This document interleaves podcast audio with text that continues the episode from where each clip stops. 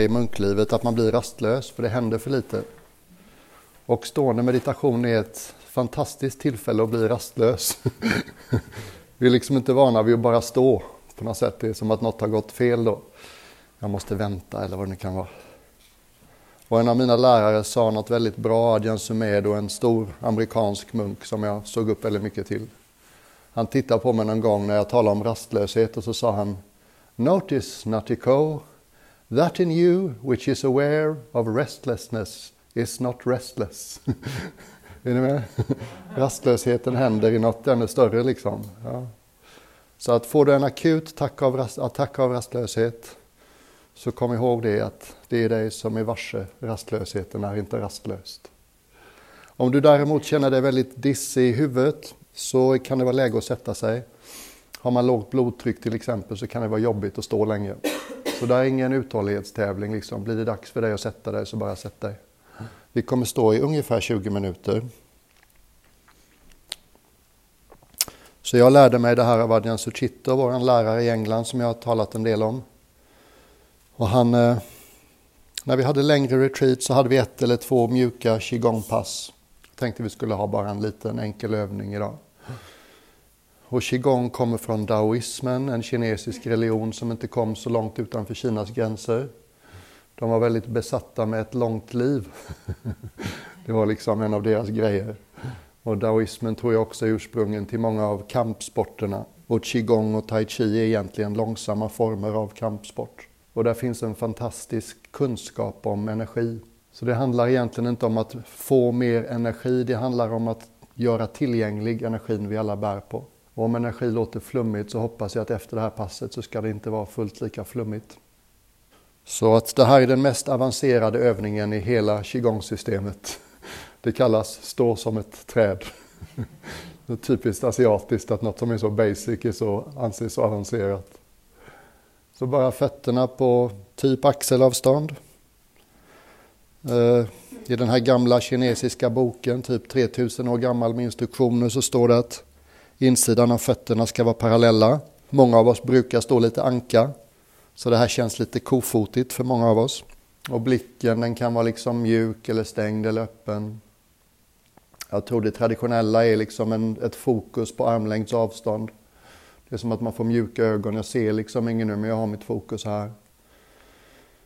Och känns det lite sådär självmedvetet och se andra så kan man istället bara stänga ögonen.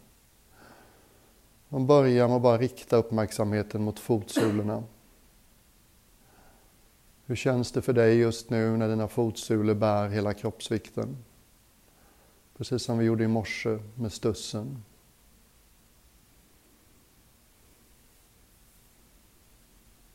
Vi jordar oss. Jag kommer ur min lilla kaffehypnos och hittar någonting mer pålitligt.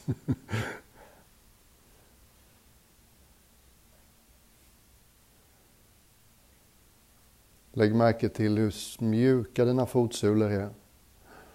Hur svårt det hade varit att stå om dina fotsulor var gjorda av något mer solitt som trä eller så. Fantastiskt plastiska och flexibla de är. Hur du hade känt av minsta lilla knappnålshuvud under fotsulan. Hur fotsulan anpassar sig till det den möter. Kontinuerliga små justeringar som sker nästan av kroppens egen intelligens.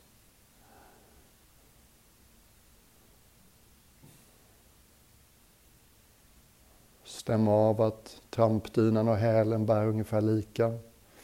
En del av oss tenderar att stå på hälen, en del av oss är lite mer framåtlutade.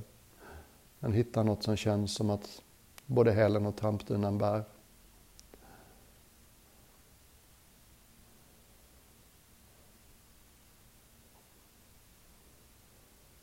Stämma av att det är balans mellan insidan och utsidan av fötterna så det inte står dominerat liksom på utsidan eller insidan utan mycket rätt, rätt upp och ner.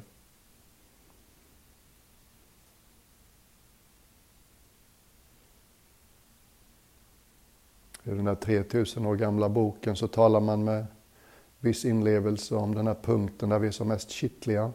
Där det blir väldigt svårt att hålla sig för skratt om någon kommer med ett grässtrå under fotvalvet. Om man tänker sig att här tar vi till oss energin från marken mycket mer än någon annanstans i kroppen. Och det kanske blir mest teori för oss nu, men det är bara en liten kuriosa bit. Någon kanske känner av det. Lägg märke till tårnas kloliknande egenskap. De får vara med. Det är inte lätt att vara tå nu för tiden. Dessa skovanor. Mm.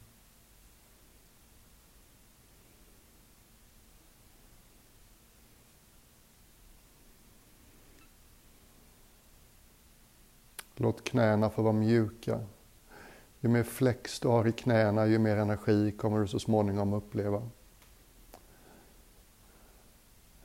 Man upptäckte inom daoismen att en eh, uträtad led blockerar energiflödet. Så uppmuntra ner och låta alla dina leder vara mjuka och lite böjda. Knälederna, alla de små lederna i varje finger. Låt alla leder i fingrarna få vara rundade, inte uträta. Låt armbågen få en böj.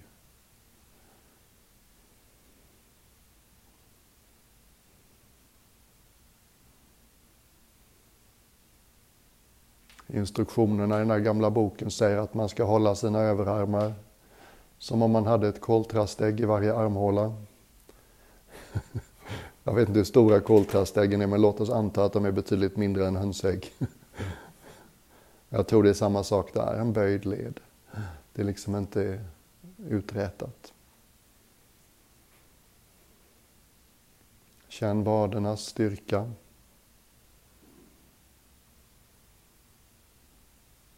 Stäm av att fram och baksidan av låret tycks ungefär lika laddade.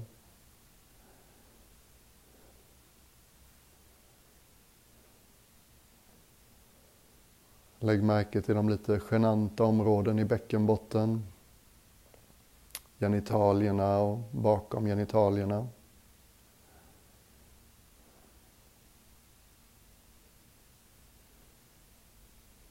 Rektum och området innanför.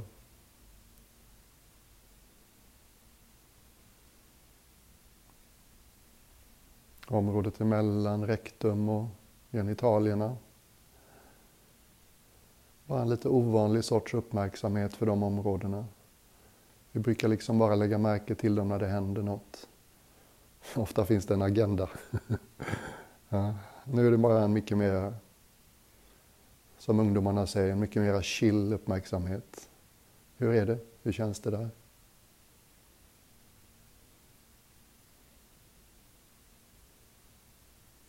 Lägg märke till ryggradens nedre ände. Ett ganska stort trekantigt ben sitter där. Och i den indiska hälsovetenskapen så tänker man sig att det är mycket av vår energi som finns där.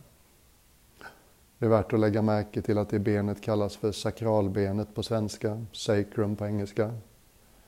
Det har med helighet att göra. Av någon anledning så tycks ett modernt människoliv leda till att svanskotan pekar bakåt. Om du tänker dig att du har en svans i svanskotans förlängning, så vanemässigt för nästan alla av oss så tenderar den svansen att peka lite bakåt. Om du gjorde en liten justering och lät svansen liksom falla ner och peka rakt ner. Det blir som en liten rullning i höfterna en liten justering så att könet liksom kommer fram lite. Har vi redan hittat vår inre Keith Richards så kan vi ju även hitta vår inre strandraggare. Bara liksom gör det några gånger och känn vad händer när du fäller in svanskotan mellan skinkorna. Vad händer i, höf- vad händer i låren då? Tendensen är att så länge svanskotan pekar bakåt så tvingas höfterna hålla om överkroppen och tvingas liksom hålla överkroppen på ett sätt som skapar spänning och blockeringar. Om du istället gör den här milda, subtila rullningen, låter svanskotan peka rakt ner, fäller liksom in svanskotan mellan skinkorna, så kan du känna hur, hur låren blir laddade. Helt plötsligt bär då låren överkroppen istället höfterna kan släppa sitt grepp om bålen. Och du slipper liksom bli blockerad vanemässigt i det här mellanpartiet. Och känner du inte någonting av vad jag pratar om, det är lugnt liksom, men en del av er kommer att känna igen sig där. Det finns en punkt som är väldigt viktig i den här traditionen. Qigong, tai chi, kampsporter. Och det är en punkt som sitter lite nedanför, lite innanför naven. Den kallas hara i Japan. Det finns hyllmeter skrivet om den på japanska. Den kallas tantien i Kina. Och den anses vara liksom kroppens gravitationscentrum. Och det kan vara lite svårt att känna av den. Om du till exempel i slutet av utandningen andas ut lite, lite extra så kan du ibland uppleva att det drar sig samman någonstans innanför, nedanför naveln. Det är den punkten jag menar. Det är en väldigt fin referens att ha. Inte minst när livet svajar och det är lite stormigt omkring dig. Kaotiska miljöer, när du känner press eller har bråttom. Vi centrerar oss här. Jag går ofta bakom draperiet och centrerar mig här innan jag ska kliva fram på en scen till exempel. Annars hamnar jag uppe i huvudet och tänker på alla mina egna tillkortakommanden. När jag började göra gående meditation genom att gå från Hara som jag hade läst i en zen-buddhistisk bok. Jag gjorde förstås gående meditation många timmar varje dag i Thailand. Jag hade så svårt att hålla mig vaken när jag satt också. Någonting hände där jag liksom fattade grejen. Så nu hoppas jag att du har lite mer känsla för hela undre halvan av kroppen. Övre halvan av kroppen får så mycket uppmärksamhet relativt sett. Och det är värdefullt att ge den undre halvan den här sortens uppmärksamhet.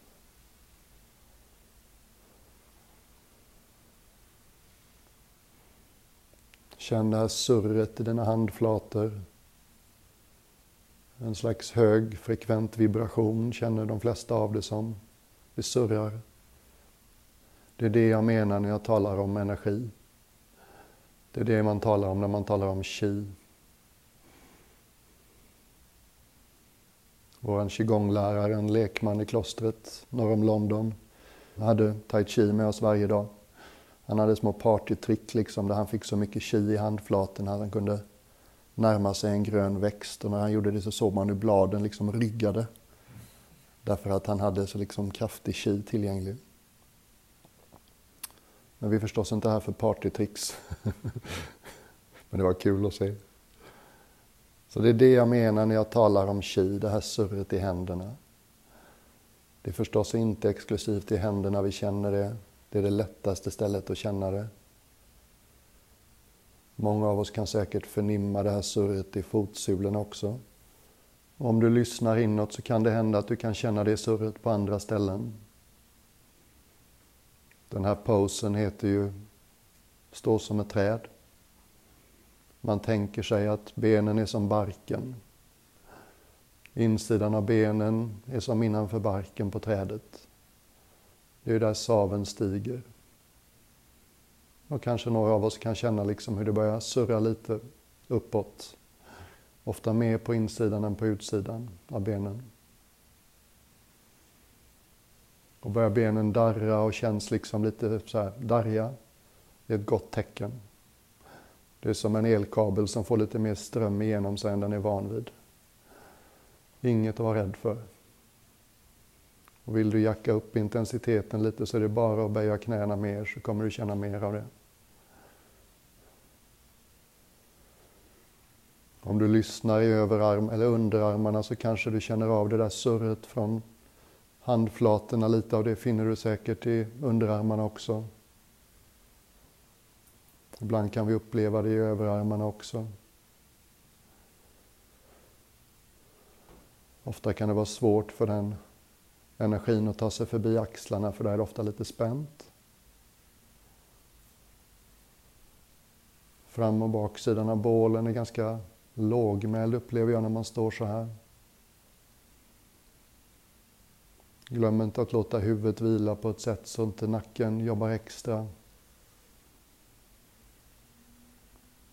Om du liksom låter gässan bara flyta upp en liten, liten, liten bit Så du får lite mer plats mellan halskotorna längst upp i ryggraden. Dra lite åt det där hållet när det börjar bli dubbelhakevarning. Så ofta brukar man hitta ett läge där det känns som att det här är mer balanserat. Nu jobbar inte nacken övertid längre. Bara stå så här någon minut.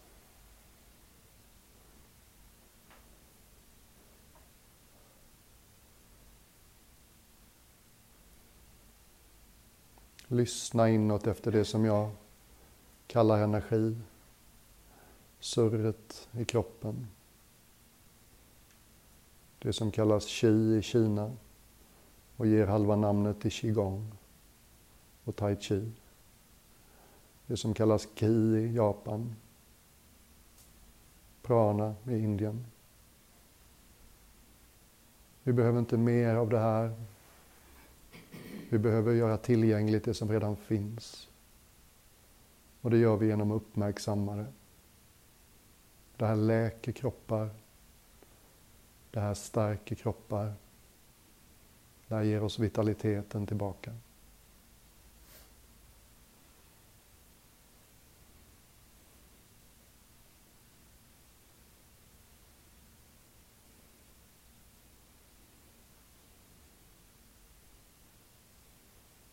Jag märker att en del av er har liksom lite sådär plötslig energi genom er.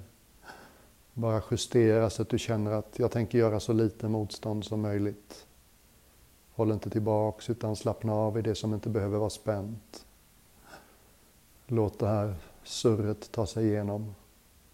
Ibland kommer det lite plötsligt och man rycker till eller darrar till. Och nu tar vi det här ett litet steg till. Nu tänker vi oss att vi står i en flod. Vi tänker oss att vi har ansiktet vänt nedåt strömmen. Vi tänker oss att floden börjar ganska lågt. Det är bara knähögt än så länge. Och floden trycker på lite grann bakifrån så det finns liksom en lätt tendens att, ska vi kalla det, spjärna lite. Vi gör ett lätt motstånd för att inte låta floden knuffa oss framåt. Och sen börjar floden stiga.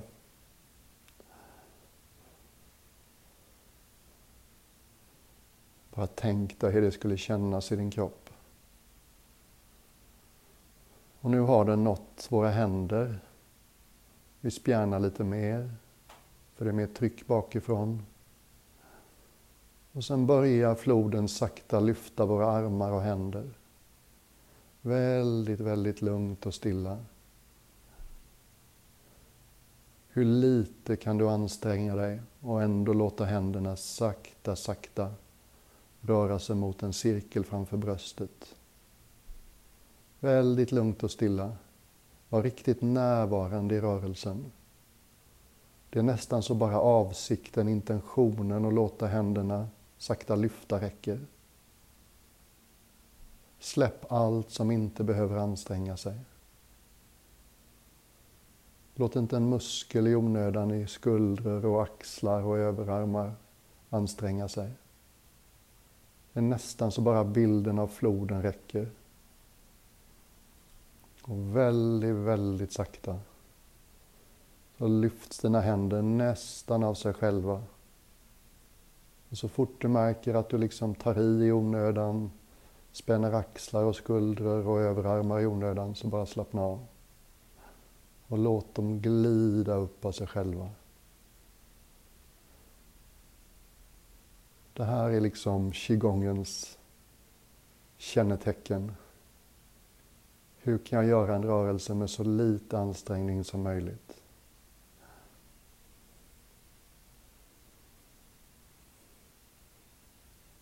Och sakta så rör sig dina armar och händer mot en cirkel framför ditt bröst.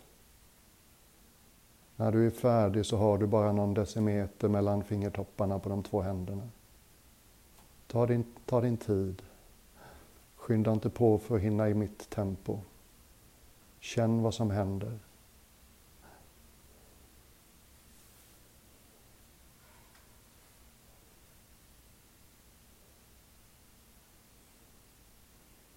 Och den här positionen kallas förstås att hålla ballongen.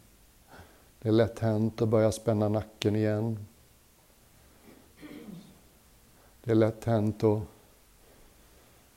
skjuta svanskotan bakåt igen, så bara checka av att den vilar lodrätt. Det är lätt hänt att anstränga armar och skuldror i onödan. Låt bilden hjälpa dig. Jag håller i en ballong. Jag vilar mina armar på en ballong. Jag behöver inte anstränga mig ett dugg mer än nödvändigt. Surret i handflaten är ofta ganska tydligt här. Ibland kan man uppleva, om man hittar rätt avstånd mellan fingertopparna på de två händer, att det är som att en cirkel sluts. Det kan vara som att man upplever att energin rör sig mellan de två fingertopparna, eller de två händernas fingrar. För mig är ofta det avståndet 3, 4, 5 centimeter. Det kan vara annorlunda för dig.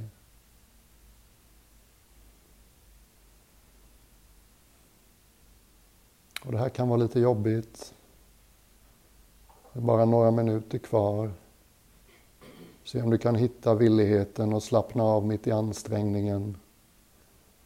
Checka tillbaks i kroppen att du inte spänner något i onödan. Svanskotan får hänga glatt neråt. Benen får vara mjuka och flex. Nacken inte fastnar i ett låst och spänt läge. Armar och händer inte anstränger sig mer än nödvändigt.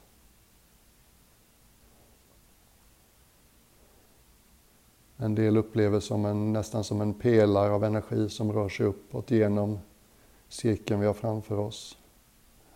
Det finns inget rätt och fel här. Bara lyssna inåt hela kroppen på det här jag kallar energi.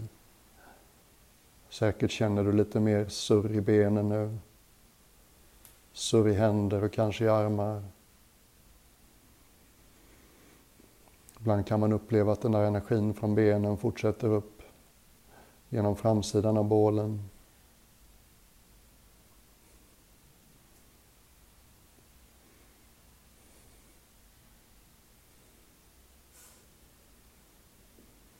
Ansiktet får vara mjukt. Ögonen får vara mjuka. Avslappning mitt i ansträngningen. Varenda tanke om att jag orkar inte mer och hur länge ska det hålla på, vi släpper det. Kommer tillbaks till kroppen. Okej okay, att svettas och darra och flämta lite.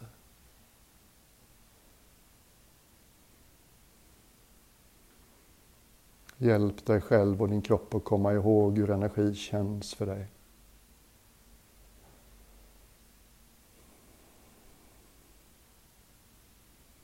30 sekunder till.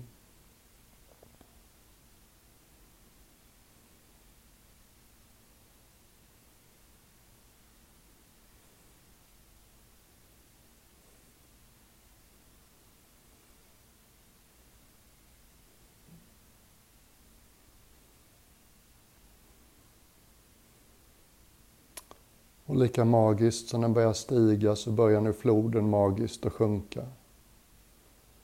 Ta det i en väldigt lugn och fin takt.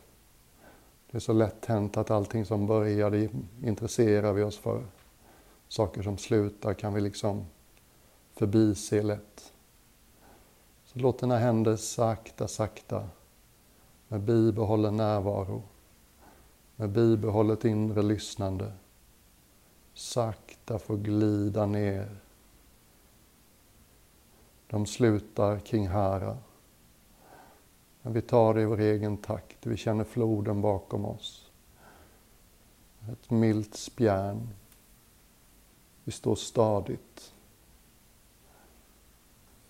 Handflatorna glider sakta men säkert med naven som mål släpp det inte utan håll det. Håll det som om du höll något värdefullt.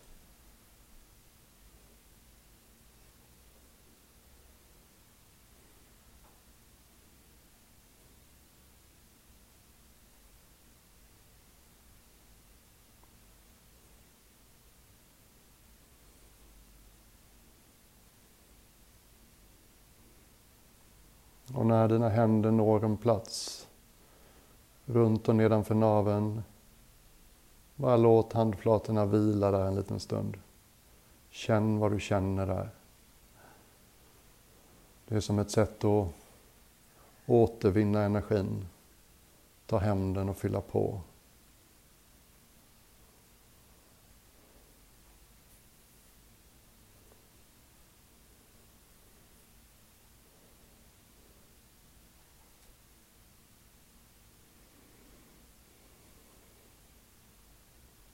Var lugnt och mjukt och närvarande.